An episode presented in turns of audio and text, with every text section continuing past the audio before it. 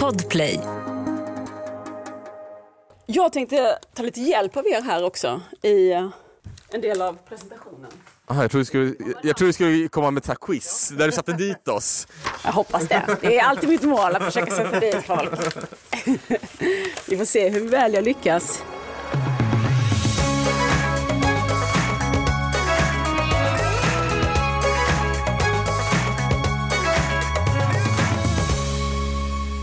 Hej, välkommen till Samtal om böcker. Jag heter Lisa Tallroth och vi har fått en ny författarduo.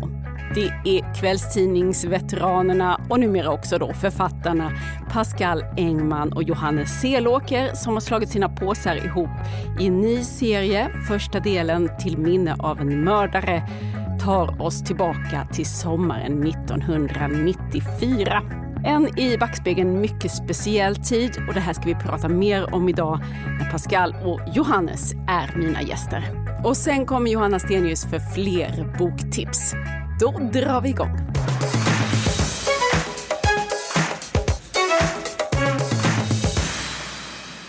Välkomna hit Pascal och Johannes. Tack så, Tack så mycket. Kul att bli kallad veteraner också. Vi, Ja. vi pratade om det häromdagen, att vi inte längre är unga och lovande. Du, du gjorde det plågsamt tydligt nu.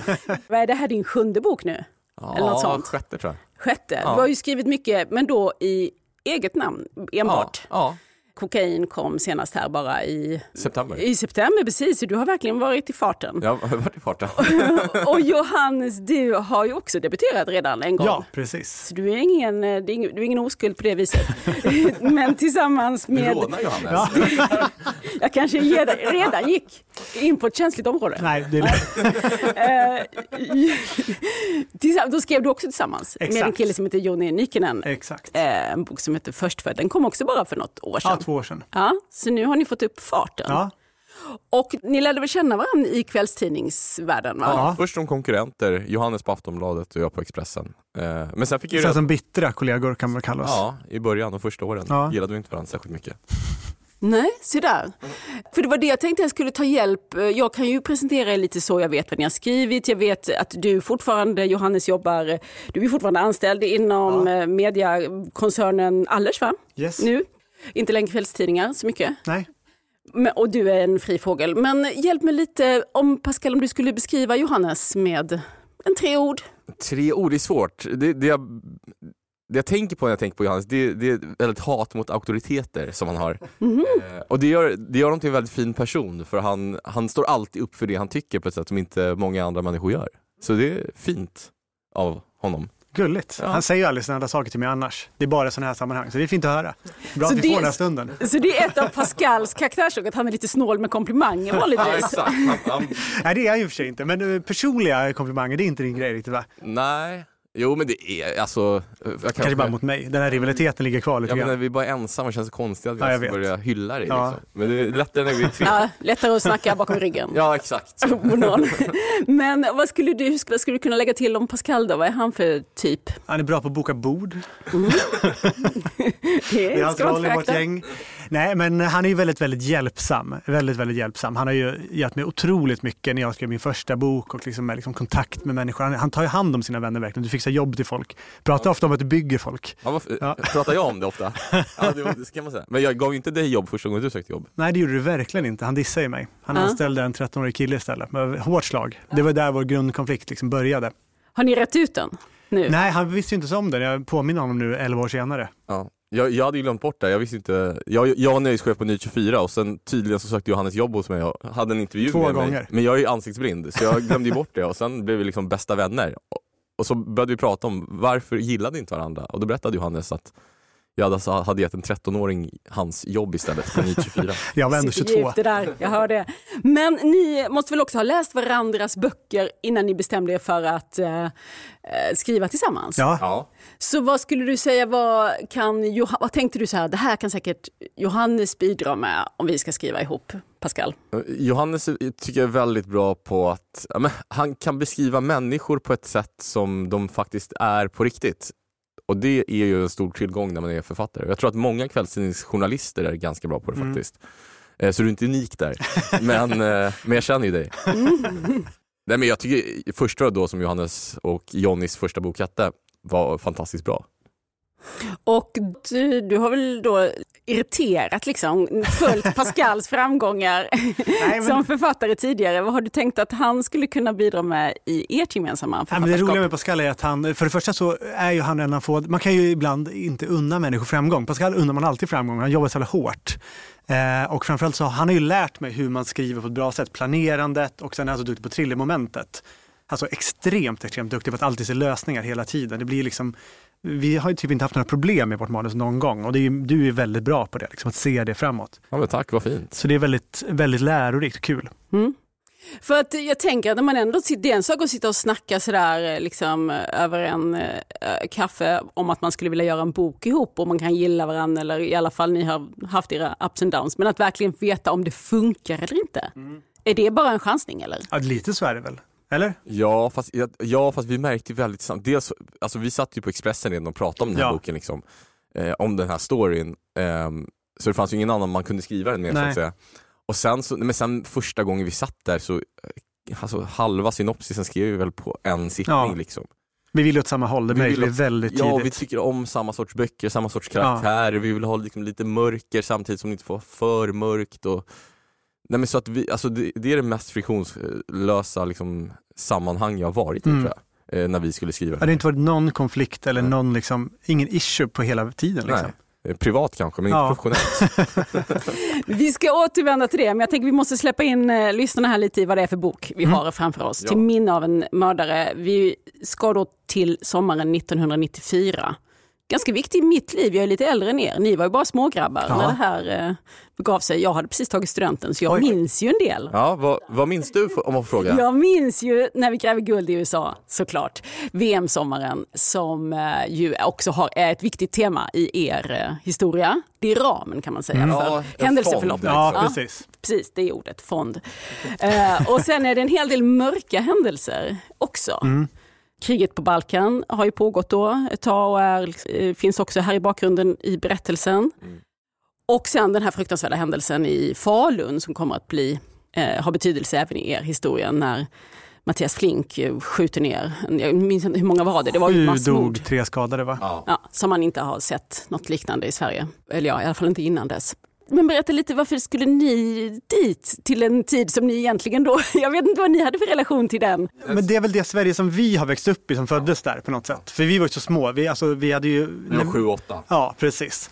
Men det nya Sverige föddes ju där, Sverige som riktade sig mot världen. Man gick med i EU, man tog beslut om att bygga Öresundsbron. Det är verkligen liksom en helt ny tid. Televerket hade nyligen skrotats, liksom tv-monopolet var skrotat. Det var liksom det nya Sverige föddes. Och sen var det de här mörka händelserna. Det är ju ett exceptionellt år med, med Stureplansskotten. Estonia. Och Mattias Flink då. Och sen har vi dessutom, så vi, jag tror inte, jo, vi näm, nej jag tror inte vi nämner det i boken, men folkmordet i Rwanda. Just det. Det talades det inte om här i Sverige heller. Liksom. Eh, så det skulle blivit konstigt om våra karaktärer hade koll på det då. Liksom. Det är därför vi inte nämner det. Men, så det var väldigt, liksom, och så, som vi nämnde nu, kriget på Balkan ja. också. Liksom. Så det var ett extremt mörkt år och sen mitt i allt detta mörker så var det liksom den här glädjeyran när Sverige gick så bra i fotbolls-VM. Så det var kontrasterna som mm. också. Och sen var det väldigt, väldigt varmt. Otroligt varmt hela tiden också. En sån där sommar som man i Sverige liksom fortsätter att prata om då. Ja, ja men det, och det var väl det som liksom fick oss, ja. för alla, alla får, när vi säger att vi har skrivit en bok om sommar 94, då får ju alla något varmt i blicken. Det var, ah, den där varma, otroliga sommaren. Och det fanns en gemenskap tror jag, i luften där med fotbolls-VM. Även folk som inte var intresserade av det tittar ju, eller åtminstone liksom satt med på något sätt. Men vi måste bara säga här till, till alla de som inte tycker om fotboll så mycket. Vi skiljer ju inte en enda fotbollsmatch, de pågår i bakgrunden. Ja. Liksom. Um, det är många som gillar fotboll annars. Men jag tror att det skrämmer bort fler. Ja, det tror jag också. Ja. Detta har ni funderat på? hur mycket vi ska trycka på fotbolls det, är inte så, alltså, det är svårt att skildra sport i liksom, en bok också. Mm. Eh, särskilt när man vet hur det ska gå i matcherna. Eh, så därför har vi liksom vi låter scener utspela sig framför kanske en tv-apparat som visar matcherna eller ett radioreferat från ja. en match då, eh, som i vissa fall. Men vi, har ju, vi, vi älskar ju fotboll båda två men vi har varit noga med att liksom inte låta det bli en fotbollsbok. Nej, våra karaktärer gillar inte fotboll till exempel. Nej, ingen av dem. De hatar fotboll. Ja, ja det är mest i vägen eftersom mm. det blir sådana, liksom, det är de här folkmassorna Landet stängs ner ja. och sånt där. Ja. ja och, så... och det har varit tacksamt att arbeta med liksom, ja. den här masspsykosen kring liksom, matcherna som var då. Eh, så våra karaktärer kan liksom gå runt i ja, men, att jobba lite friare. Eller att de inte får tag på personer för att det är fotbollsmatch. Men har ni haft känslan att ni har missat någonting som inte riktigt, eh, som var så små när det här hände? Det, är det, liksom, det kanske är det omedvetet. För man var ju med fast man var liksom bara på sidan lite grann. Men man kände ju man kände de här känslorna som de vuxna kände, den här liksom härliga sommaren. Men eh, jag vet inte, saknar du det? Nej, eh, alltså jag minns ju den där sommaren väldigt väl ändå. Ja. Det låter kanske som en efterhandskonstruktion men jag minns ju alla matcher. Eh, det är framförallt de man minns kanske för att ja, men det var väl första gången man var medveten om att man kunde sitta i ett sammanhang och folk såg på en match och alla pratade om samma sak och sånt. Det var, jag tycker det var en speciell sommar som, man, som vi i alla fall inte hade läst någon bok Nej. om som ordentligt skildrad och det var väl därför vi vill skildra den också. För vi jobbade på kvällstidning och hörde liksom de här gamla historierna om, om den här sommaren, folk som var på Hultsfred den sommaren till exempel. Och var det då Oasis slog igenom på Hultsfred, sådana där saker. Eh, vår vän Anders Nunstedt då som var eh, musikredaktör på Expressen. Eh, som vi pratade väldigt mycket med och var väl liksom, det är honom vi har tillägnat boken till också. Men sen alltså, som sagt kontrasterna med det här ljusa, härliga, folkliga och sen alltså, mörkret som pågick eh, i världen och liksom i Sverige också. Ett poddtips från Podplay.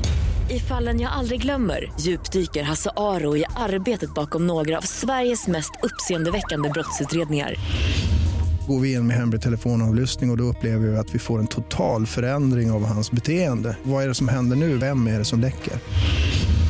Och så säger han att jag är kriminell, jag har varit kriminell i hela mitt liv men att mörda ett barn, där går min gräns. Nya säsongen av Fallen jag aldrig glömmer på Podplay.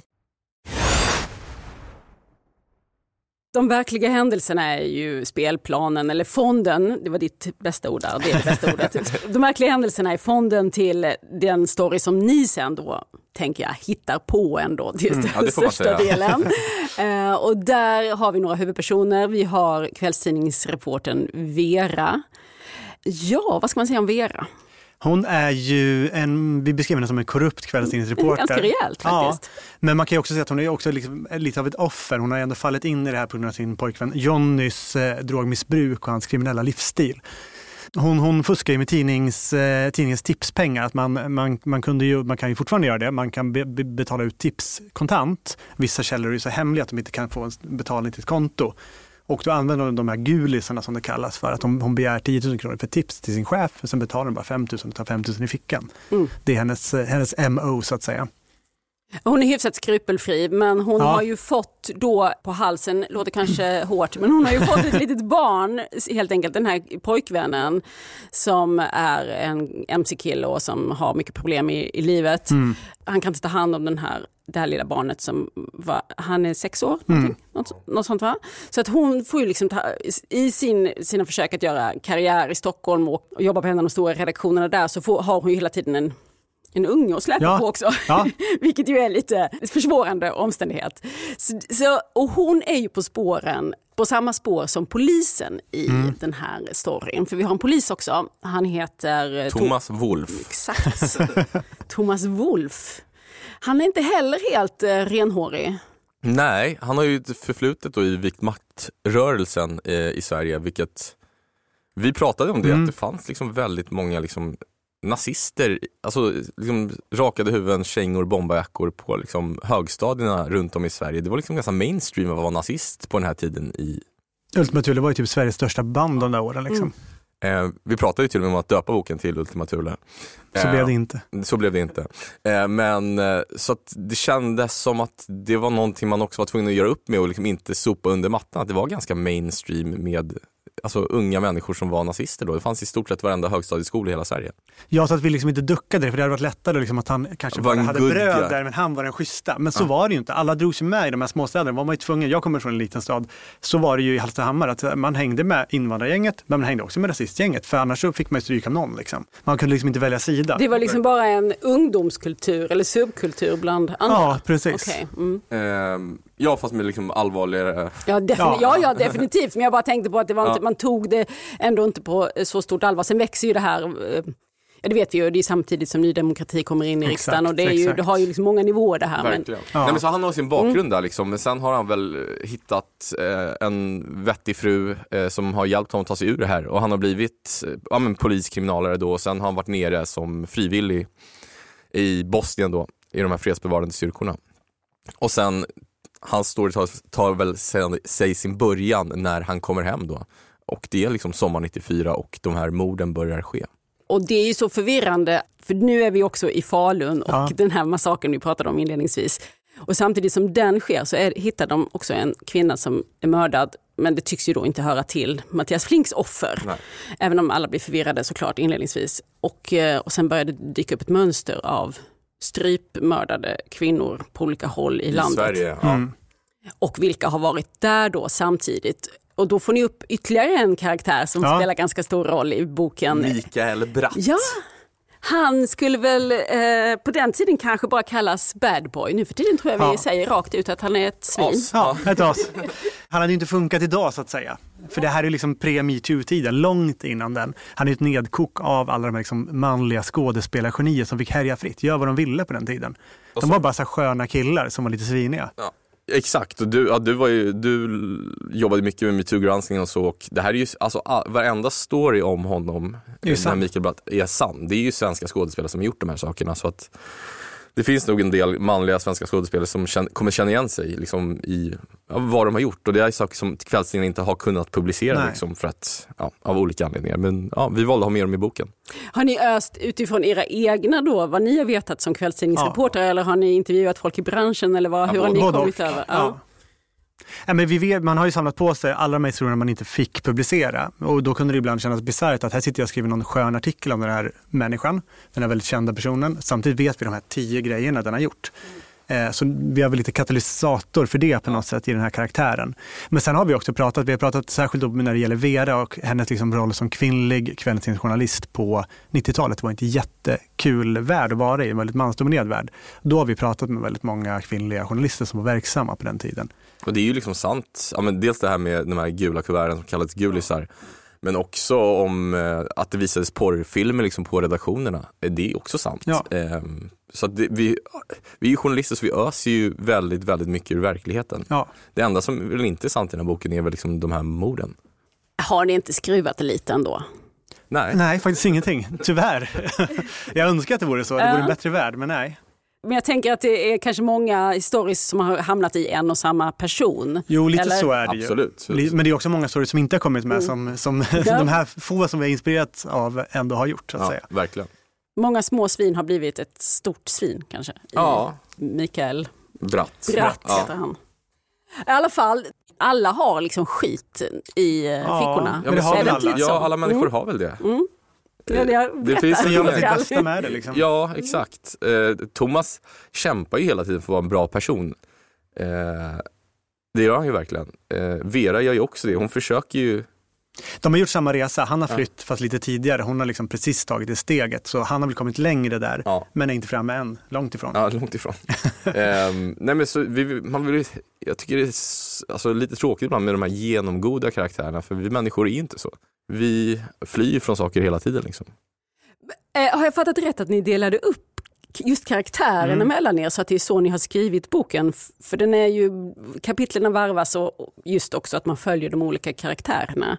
Så berätta lite om hur själva skrivandet har gått till. Vi har planerat boken tillsammans varje kapitel, suttit ihop då, även liksom, med liksom alla karaktärer. Men sen har vi delat upp dem, för man lär ju känna karaktären mycket bättre när man skriver bara det perspektivet. Sen har man, du har någon gång skrivit något av mina och jag något av dina, men, Ja. men liksom 98 procent har man skrivit en karaktär. Sen Ja. redigerar vi allting gemensamt såklart. Men så vi började med att, ja, först pratade vi om det här liksom två, tre år då på Expressen, Mm. alltså om själva storyn. Och sen för ja, ett och ett halvt år sedan var det väl så satt vi i, ja, men på olika barer och kaféer, satt vi åtta, tio Åtta, gånger ja. kanske, sittningar och planerade storyn liksom kapitelvis. Och sen i somras då, mellan juni och mitten av juli så skrev vi den. Låter som en ganska komprimerad process. Inte, inte mycket ju- utrymme för att gå och ha skrivkramp. Nej, Nej, nej men det eh, slipper man ju om man vet hur storyn ska sluta. och om man är två, det är så Och om man får- otroligt lätt. Ja, Ja men verkligen. Det är så stor skillnad och att ha någon som är exakt lika engagerad som en själv i storyn hjälper ju Mm. alltså, enormt mycket. För stöter man på ett problem då, då är det löst liksom ett telefonsamtal senare. Ja. Man går inte och verkar fram någonting i liksom två dagar. Nej. Utan Mm. Det är bara så. Så vem har skrivit vilka karaktärer här? Eh, sk- skulle du berätta det? Ja, men kan vi berätta? Ja, jag har skrivit Thomas eh, och det mesta av Mikael. Polisen och eh, skådespelaren, Ja. svinet. Ja. Som jag kallar honom. och du har skrivit Vera då? Exakt, Ja. exakt. Blir ni lite så här eh, protektionistiska mot er egen karaktär då? Att, Inte ja, alls. men ni Alltså, vet, jag, ju- jag har koll på Vera, så kom inte nu och... Nej. Nej, för vi skriver ju storyn innan kan man ju säga. Sen skriver man, alltså, man planerar ju storyn innan vad som ska hända i varje kapitel så då har man ju diskuterat igenom det då innan man börjar skriva sen. Och sen har vi jobbat på Expressen, vi är vana vid att bli liksom, Någon tar över ens text, någon ändrar, någon kritiserar. Alltså, ja det är väldigt smärtfritt att jobba med Johannes då när man liksom har haft en Expressen-redaktör som har stått och skrik, skrikit skriv snabbare, helst inte alls, över axeln i fem, sex år. Så ni, stilmässigt så gick det ganska lätt att hitta samma ton. Är det er gemensamma bakgrund i Det kvällstidningsvärlden kanske? det. Jag tror det. Sen, har vi, sen tycker jag att det var så otroligt roligt att skriva just den här boken, för jag har ju skrivit ja, men, om samma karaktär i fyra böcker innan och att hitta då nya, en, ja, två nya karaktärer som man verkligen fick fördjupa sig i, alltså det var en sån otrolig befrielse. Det var som att eh, allt var möjligt igen. Du skriver ju Thomas också väldigt, väldigt bra. Ja men tack, vad glad jag blir. När vi började duka upp hela 90-talet där inledningsvis var ju väldigt många händelser som inte hinns med just i den här boken. Mm. Eh, Men jag anar ju, eftersom det här är början på en serie, eh, ska vi stanna kvar i 90-talet och hinna med en del av... Ja, vi tar ju år för år helt Ja. enkelt. Mm. Nästa bok utspelas ju då, ja, börjar då nyårsnatten mellan 94 och 95. Så den utspelar sig på våren, eh, Ja, vintern, våren. 1995. Och sen kommer vi, ja, tredje 96, fjärde 97.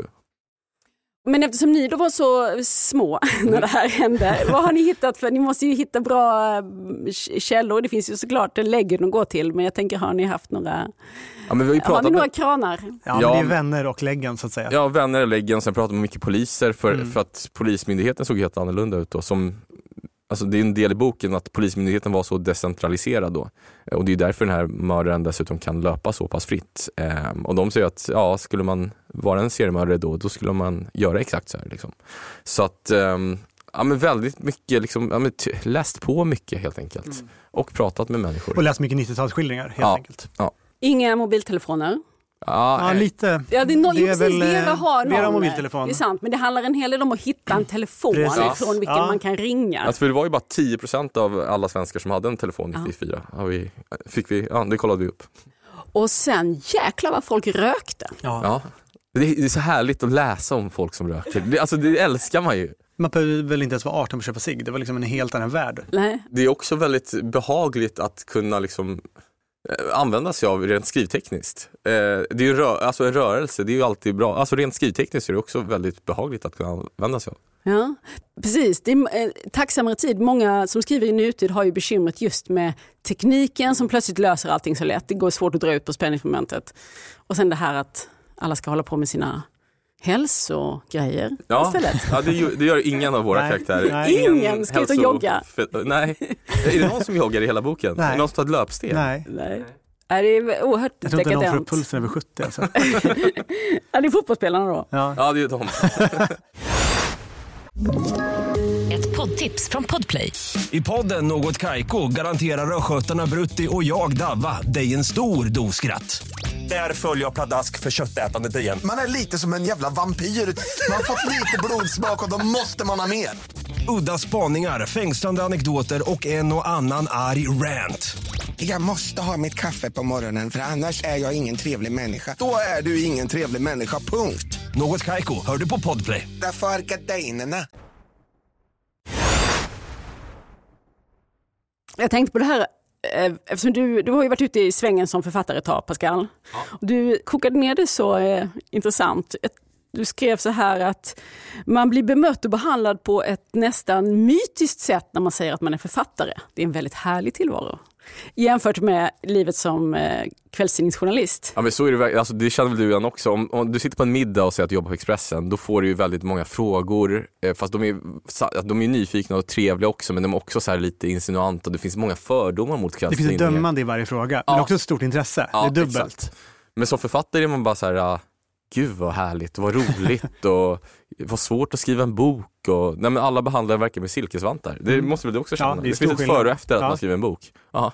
För du har ju fortfarande en fot i varje Johannes. Vilken hatt är det du brukar... eh, Som tur var jobbar jag ju på ett, ett snällare kvinnomagasin nu, så nu är det mer så här, ingen är intresserad av att höra om det. Det är för trist. Inte jag, Ja. vilket kvinnomagasin är du Svensk Damtidning. Ah, Så det är liksom ingen där som är vill man intresserad. väl veta. Ja, men inte Måste vi- riktigt. Det är mer så här, åh, tycker ni om kungligheterna? Det är mer så. Bögspressen är liksom så här hårda, mycket frågor liksom om Hur kan detaljer. ni publicera det Ja. här? då? Ja. Alla är liksom publicister och vill ha, ha åsikter, vilket är kul, men det kan också gå över en gräns på vissa middagar. Liksom, att man känner, jag orkar inte, det är inte jag som gör det här. Men jag anar att det skulle kunna komma lite sådana, du har sitter på lite bra källor även. Nu har ni rivit av en eh, så här skådespelare, filmstjärna person i den här boken. Ja. Kommande böcker kanske vi kommer höra lite, kommer det vara lite kungligt? Det är så ointressant, är det inte det? Nej, det är inte ointressant. Ja, kanske, vi får se. Ja. Ehm, Ni lever ju på detta på Svensk Damtidning. Ja, men precis. det Men det kan är liksom vara eh, dramamässigt, så jag vet inte. Är det så bra? jag tror inte det. Vi får se. Ja. Kanske lägga in någon. någon. Ja. För vart, eh, vart är vi på väg? Som man brukar fråga med de här. Vad, vad vill ni med den här serien? Skymningsland heter den. Ja, men vi vill ju fånga hela den här förändringen som börjar vi har inte bestämt när den slutar, men vi, vi vet ju att den börjar 94, Mm. Ja. däromkring. Slutar den kanske vid millennieskiftet Ja. vid, eller vid World Trade Center, där någonstans föds den nya, den nya världen någonstans. Eh, så det är väl, vår mål, vårt mål är väl ändå att skriva oss igenom 90-talet. Ja men det är det. Det är det verkligen. Sen eh, Forum vill ju att vi ska skriva två böcker till nu, fick vi reda på häromdagen. Eh, så vi är framme vid 97 vad det Ja. gäller böcker. Så vi får se om de tycker resten är lika bra, om de vill fortsätta liksom. Det kommer ta ett tag att reda ut livet för både Vera, kvällstidningsjournalisten och för polisen Thomas. Det är de- trassligt nu. De har det trassligt och det slutar ju inte precis med några lösningar i den här första delen för dem på det personliga planet utan det finns en del att återvända till där. Ja verkligen. Ehm, då tillbaka lite kort till relationen. Att vara kompis med den man jobbar ihop med, det är ju något av ett risktagande. Ja det är det ju. Det hade ju kunnat bli så att vi bara blev arbetskamrater. Men jag tycker det är så kort tid vi skriver ändå. Ja exakt, sen pratar vi ju väldigt ofta och, alltså, om, om den här Ja. serien. Alltså fortsätter genom sånt, vi smsar varandra på kvällarna hela tiden med liksom, artiklar och, och idéer. Tredje boken ska utspelas mycket på cirkus, har vi, pratar vi om just nu. Cirkusmiljö. Ja. cirkussällskap. Ja. Ah, ja, ja. Eh, så vi, liksom, vi är ju där hela tiden men det är också så här, vi är ju vänner i grunden, det är det som är vår huvudsakliga relation. Sen tycker jag vi har, vår vänskap har fördjupats Ja. på grund av det här. Alltså, Verkligen. Det är ju så, vi, så fort jag vänder mig om de här dagarna ser jag Johannes bakom mig liksom. Och det är ju härligt eh, faktiskt. Än så länge. Vi får se hur det känns Ja. om två, tre böcker. Om Mm. vi sitter här tillsammans då eller om vi får göra det här på länk. Jag vet inte om det är det här som är relationen och det är resten som är vänsterprasslet eller hur ni ser på det. För ni har ju andra grejer på gång vid sidan om också. Du fortsätter att skriva i enbart eget Ja, namn. eller hur? Frank där ja. Ja, den kommer ju i september som vanligt. Liksom. För vi, vi ska ju ge ut två böcker om året Mm. nu, eh, är det väl tänkt, Ja. de närmsta åren. Liksom. Hinner du skriva ytterligare saker vid sidan om Ja, Pascal? eh, jag kommer min första hösten 23, då min första egna. Eh, Så att, men det blir kämpigt med jobb, jag får, nog, jag får nog börja fundera på hur jag ska prioritera det där. Ja, var det någonstans också, det fanns två bebisar här i, Exakt. i bilden som har fötts mitt i allt detta. Jag försöker få oss att framstå som dåliga fäder här. Ja, verkligen. Någonstans där. Någonstans. Ja, vet ni vad de är? Ja, men vi fick ju barn med tre dagars mellanrum i, i april. Så Benjamin, min son, Pascal, jag som pratar, förlorar då 15 april. Och tionde för Dino, min ja. son. Ja, fem dagar är. Ja, fem dagar. Ja. Så de ska in i också i den här ekvationen. Ja, Det ska de är ju med, men det är som är så härligt med författare, man kan ju liksom till, ja, man, man delar upp sin egen tid. Så jag slutar ju skriva vid 12 varje dag, sen kan jag ju vara med Benjamin och Linnea, min flickvän då. Liksom. Eh, Johannes är ju en sämre pappa då, han jobbar ju också. Precis, du ska Jag går gå upp till tidigare än lönejobbet. Pascal. Det gör, nästan alla går upp tidigare än Pascal. Det är ingen bagavveckling på dig. Nej, sju går upp nu. Sju, ja. med, fem, med Benjamin. fem för mig. Är det fem? Åh Ja. jäklar. Ja. Mm. Ja, ni ligger i. Eh, Det kommer bli mer böcker, jag hör ju det med det här tempot. Eh, Nu har vi snart kommit till lunchtid när ni inte längre har tid med sånt här utan ska börja ägna er åt annat. mat. Mat. Tusen tack för att ni kom hit till Samtal om böcker. Till minne av en mördare heter första delen i den här serien som har fått serienamnet Skymningsland. Ja, tack för att du fick komma hit. Tack så hemskt Pascal mycket. Engman och Johannes Helåker.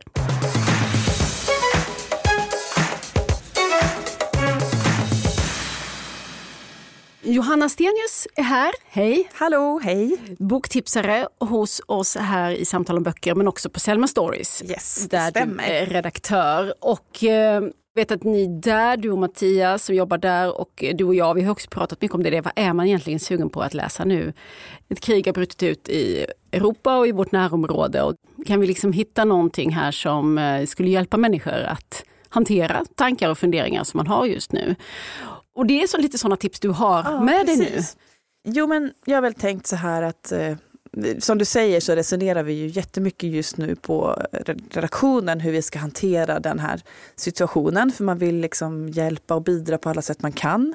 Samtidigt som man vill ha- ha respekt för de som har det svårare än, än vad vi har det just nu.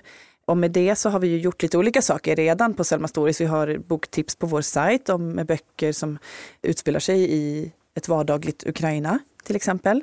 Det vet man inte jättemycket om. Nej precis, det är ett land som vi inte vet så mycket om och som bara har haft eh, demokrati i lite mer än 30 år. Det är ganska nytt och det finns väldigt, väldigt eh, intressant kultur helt enkelt. Och vi har ju också, Sverige har ju mycket gemensamt med Ukraina eh, som vi inte tänker så mycket på heller. Sen så tror jag att vi alla har behov av att prata hemma om det som sker. Och många av oss som har barn behöver ju hitta sätt att möta alla de frågor som kommer. Och där har vi ju också gjort i ordning boktips på sajten. Eh, böcker som hjälper oss att prata om med barnen om, om krig och flykt och konflikter och så. Men sen har vi också sett, det finns ju också den, det behovet som många har, det beror lite på hur man är, men av att förstå hur har den här situationen uppstått? Varför blev det som det blev och vad, vad har hänt i Ryssland som har gjort att, de, att det har blivit så här nu och man vill förstå Putins agerande, man vill förstå vad Ryssland är för sorts land och det behovet finns också hos många. Så vi försöker väl möta alla och jag, till idag har jag tagit med mig tips i alla de kategorierna kan man säga. Mm. Vad lyxigt för oss att du har gjort den här researchen. Ja, jag ska, hoppas ni får någon hjälp av det. Men jag tänkte jag skulle börja med det som kanske jag själv helst tar till i den här typen av situation. Eh, jag har ju själv barn hemma i olika åldrar och jag tycker ofta att det är väldigt bra och vägledande också för mig själv att prata med barnen om det som sker för man får en anledning att eh, konkretisera och förklara och inte överdramatisera. Det finns en bok som har kommit precis nu som är en del i den här serien Så funkar det. Det finns ju många Så funkar det böcker. Det finns en bok nu som heter Så funkar krig och konflikter som är skriven av Nicky Walker. Det är en bearbetning av en bok av Nicky Walker och eh, illustration av Jenny Jordahl. Man skulle säga att den ger en grundläggande kunskap om bland annat rasism, om resursfördelning, om auktoritära ledare och kanske väldigt viktigt just nu, falsk information, hur man identifierar det, hur man hanterar det. Man berättar både om motsättningar i den här boken om motsättningar mellan länder och politiska konflikter men också om konflikter i till exempel klassrummen, i familjen för att konkretisera. Det finns ju många likheter viktiga diskussioner om hur, som man kan väcka om hur man själv reagerar vid kränkning och förtryck. Det är väldigt viktigt för alla, tror jag, inte bara för barn. Det är en bok för barn, men jag tror att varenda vuxen skulle ha värde av att konkretisera sina tankar på det här sättet just nu som växer i den här boken. Jag tycker det låter som en bok för Putin och alla andra Jag håller med. världsledare. jag håller med. Och dessutom så har Martin Schibbye, finns ett reportage av honom där, där man får möta unga människor från konfliktzoner runt om i världen, är väldigt intressant. Så funkar krig och konflikter är eh, den pedagogiska Så titeln. den. Ja, men då går jag vidare då och tänker gå till det lite mer vuxna perspektivet kanske av att försöka förstå just den konflikt som drabbar Europa just nu, nämligen eh, Rysslands anfallskrig mot Ukraina. Jag har sett på ljudbokstoppslistorna att en, en, en eh, bok som har något år på nacken har klättrar väldigt mycket där just nu och det är en bok som heter Putins krets av Catherine Belton och översatt av Manne Svensson. Den här boken har kallats för den bästa boken för att förstå putinismen. Den berättar om Vladimir Putins väg från KGB-man till det här enväldet som han faktiskt har idag. Eh, och eh, Catherine Belton har ett väldigt unikt källmaterial och försöker nå in till liksom kärnan av Putins innersta krets och visar hur hans maktmetoder ser ut och hur de också, också är intressant om hur de har exporterats till andra länder. Väldigt läsvärt i allmänhet också om dagens Ryssland för att det är ju ett land som inte är så lätt att få inblick i. Ännu mindre nu. Så det var mitt andra tips och den finns ju väldigt tillgängligt inläst då också om man vill lyssna på den. Och eh, sen ska jag också nämna att den släpps som storpocket nu i mars. Så då kan man, om man hellre läser en fysisk Mm. bok. Putins krets. Ja, och sen tänkte jag ändå bryta av med lite skönlitteratur. Och då tänkte jag lyfta Ukraina som land. Att det är ju, jag känner nog själv att det är spännande att veta mer om Ukraina. Det är ett land som faktiskt inte har varit så känt för oss, kanske för att det är ett ganska nytt självständigt land ändå. Och tänkte lyfta två romaner som, som är skrivna av ukrainska författare och som just handlar om vad som hände i Ukraina efter kommunismens fall. Och den ena boken heter Depeche Mode och är skriven av Serhij Sadan, översatt av Nils Håkansson. Eh, Serhij Sadan är en av Ukrainas mest eh, tongivande författare och omdebatterade ska man väl också säga.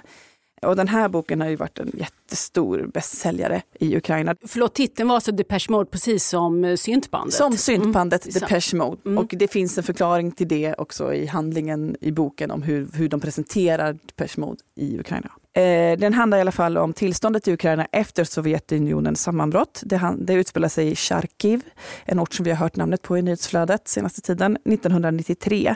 Och tre stycken unga killars odyssé genom staden. Den är ganska dramatisk och också en svart komedi.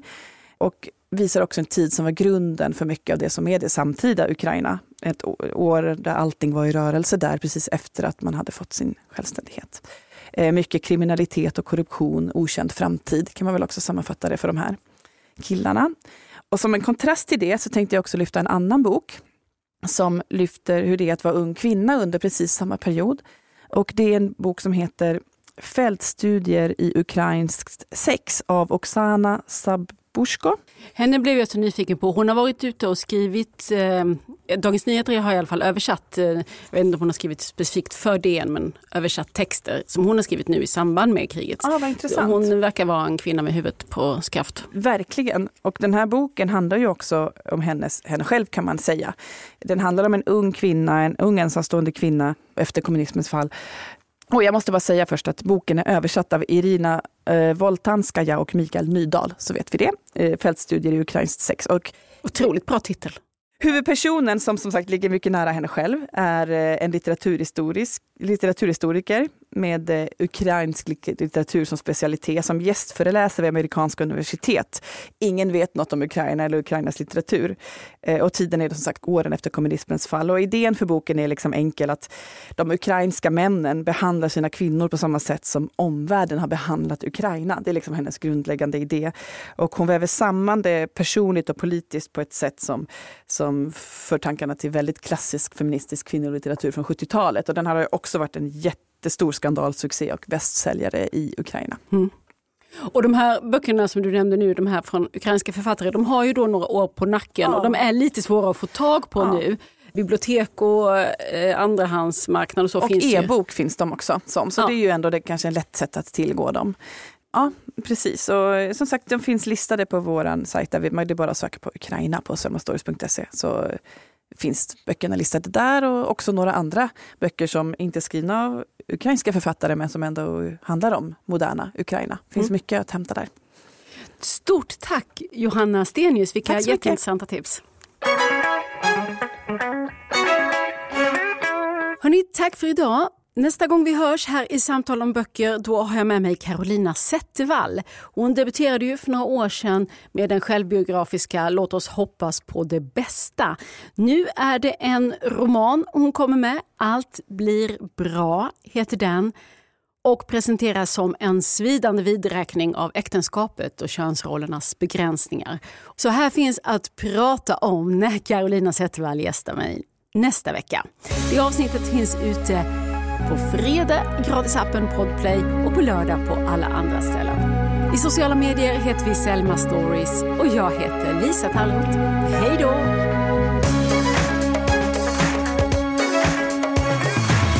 Du har lyssnat på Samtal om böcker, en podd från Selma Stories.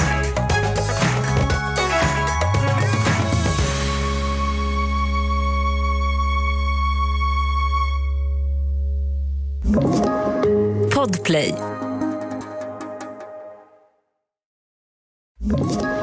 Ett poddtips från Podplay. I fallen jag aldrig glömmer djupdyker Hasse Aro i arbetet bakom några av Sveriges mest uppseendeväckande brottsutredningar. Går vi in med hemlig telefonavlyssning och, och då upplever vi att vi får en total förändring av hans beteende. Vad är det som händer nu? Vem är det som läcker? Och så säger han att jag är kriminell, jag har varit kriminell i hela mitt liv men att mörda ett barn, där går min gräns.